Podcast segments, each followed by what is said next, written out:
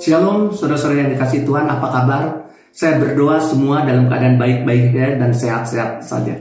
Pagi hari ini kita akan merenungkan firman Tuhan tentang hidup dalam kasih.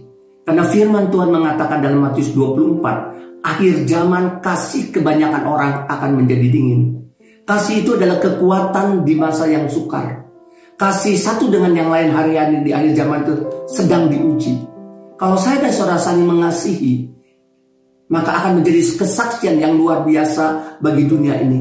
Karena kita menjadi terang di tengah-tengah dunia yang sedang gelap. Dan terang itu adalah identitas saya dan saudara sebagai orang percaya. Dunia tidak bisa melihat kasih Allah. Tapi kalau kita saling mengasihi di antara kita, dunia tahu, dunia melihat bahwa Allah mengasihi mereka juga. Kekuatan kesaksian, kalau saya dan saudara saling mengasihi di antara kita, kalau saya dan saudara saling memperhatikan satu dengan yang lain. 1 Yohanes 4 ayat 7 mengatakan demikian.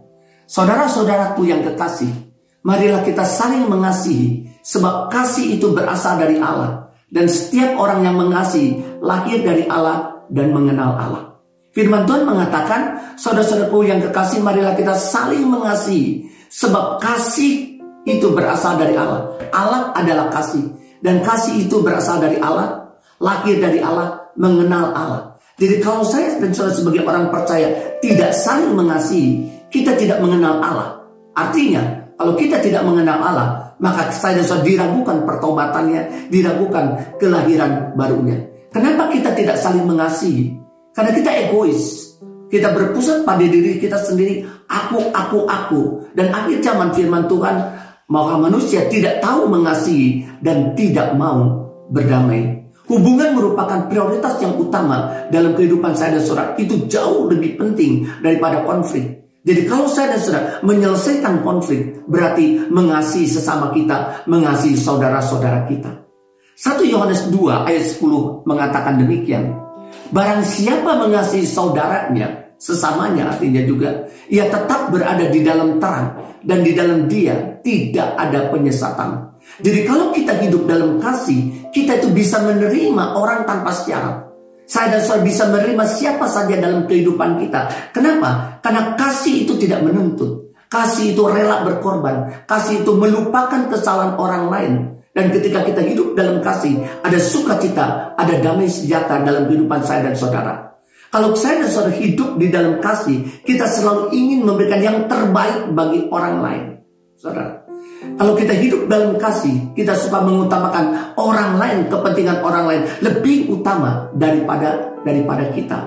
Kenapa saudara? Kalau kita lihat Yesus adalah pribadi yang bisa menerima siapa saja, saudara. Yesus adalah sahabat orang berdosa. Yesus adalah sahabat pemungut cukai, ya. Sakyus, Yesus juga sahabat perempuan Samaria yang bertemu di sumur Yakub dan hanya perempuan ini saudara bertobat dan memberitakan Injil. Kasih Yesus adalah kasih yang tanpa syarat. Ya. Kristus mati ketika saya dan saudara masih berdosa. Berarti kasih Kristus adalah kasih tanpa syarat. Kekuatan kasih itu mampu membuka tangan seluas mungkin untuk menerima siapa saja, merangkul siapa saja dalam kehidupan saya dan saudara.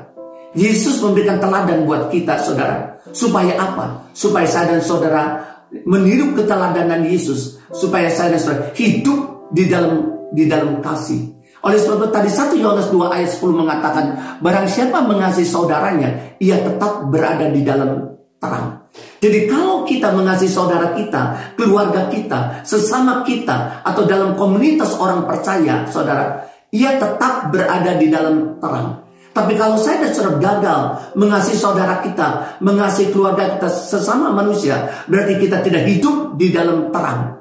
Seringkali saudara kita lupa, kita tidak hidup dalam terang, berarti saya dan saudara hidup di dalam kegelapan. Jadi kalau kita gagal mengasihi sesama kita, kita tidak bisa bicara bahwa kita ini terang, kita adalah terang. Tidak bisa. Kalau kita gagal mengasihi sesama kita, saudara, kita tidak bisa bicara bahwa kita hidup di dalam terang. Kalau kita gagal mengasihi saudara kita, saudara, berarti kita sedang menyangkal identitas saya dan saudara sebagai orang percaya sebagai terang. Dan esensi daripada terang adalah mengasihi. Hidup di dalam kasih yang perlu kita lakukan di dalam kehidupan saya dan saudara adalah kita harus Yang kita harus saling menasehati, bukan saling menghakimi. Memberi nasihat ketika hidup seseorang, hidup saudara kita, saudara sedang menyimpang, tidak sesuai dengan kebenaran firman Tuhan. Dia berjalan tidak sesuai dengan kebenaran firman Tuhan. Kita harus menasehati dia, bukan kita menjadi, bukan kita menghakimi dia. Kita memberikan nasihat kepada dia supaya dia kembali kepada jalan yang benar, supaya dia kembali kepada firman Tuhan. Saling menasehati, memberi nasihat kepada mereka, bukan menghakimi. Saling mem, apalagi memberi semangat, saudara. Karena hari ini banyak anak atau yang patah semangat karena keadaan hari-hari ini. Salah satu cara iblis berkata, salah satu cara iblis untuk menghancurkan hidup kita supaya kita patah semangat dalam hidup kita sehingga kita tidak memiliki kekuatan dalam hidup kita. Kita tidak bergairah lagi bekerja. Kita tidak punya keberanian untuk melihat masa depan. Padahal masa depan kita ada di dalam tangan Tuhan. Bahkan kesehatan kita bisa menurun dalam kehidupan kita. Mari kita saling menasehati. Memberi nasihat saudara untuk hidup dalam kasih. Memberi semangat kepada mereka yang hari ini sedang patah semangat di dalam kehidupannya. Karena di dalam Yesus ada pengharapan. Yang kedua, hidup dalam kasih yang perlu kita lakukan adalah saling mengampuni. Efesus 4 ayat 32 mengatakan demikian. Tetapi hendaklah kamu ramah seorang terhadap yang lain. Penuh kasih mesra dan saling mengampuni. Sebagaimana Allah di dalam Kristus telah mengampuni kita. Kita harus saling mengampuni. Kenapa? Pengampunan itu penting. Apalagi di masa sukar. Kita memang tidak lepas daripada masalah persoalan. Bahkan gesekan-gesekan dalam kehidupan kita. Tapi kita harus sadar, saudara kita harus ketika terjadi gesekan, kita harus saling mengampuni satu dengan yang lain, baik di dalam keluarga maupun di dalam pelayanan, baik di mana pun kita berada. Kenapa kita harus saling mengampuni? Karena Kristus telah mengampuni saya dan saudara terlebih dahulu. Petrus pernah bertanya kepada Tuhan, Tuhan berapa kali kah aku harus mengampuni seorang yang bersalah kepadaku? Tujuh kali kan? Yesus berkata, tujuh puluh kali tujuh kali kalinya berapa? Artinya pengampunan tidak terbatas. Ketika kita berbuat dosa, kita bertobat kepada Yesus. Tuhan mengampuni dosa-dosa kita. Dan Tuhan tidak memperhitungkan lagi. Tapi kita harus bagian kita harus kita bertobat. Ya, siapa dulu? Dulu kita hidupnya tidak benar. Masa lalu kita, tapi kita sudah diampuni oleh Tuhan. Dosa-dosa kita, pelanggaran kita. Nah, sekarang pun di keadaan, masa yang sukar, mari kita saling mengampuni satu dengan lain kalau kita hidup di dalam kasih, saudara, maka kita akan saling menasihati, memberi nasihat, memberi semangat. Dan yang kedua, kalau kita hidup di dalam kasih, saudara, kita saling mengampuni. Karena Tuhan terlebih dahulu mengampuni saya dan saudara. Mari saudara, akhir zaman ini kita hidup di dalam kasih. Dan kita percaya ketika hidup kita di dalam kasih, kita sedang menjadi terang di tengah-tengah dunia yang sedang gelap ini. Dan nama Tuhan ditinggikan, dipermuliakan lewat kehidupan saya dan saudara. Tuhan Yesus memberkati kita semua. Amin.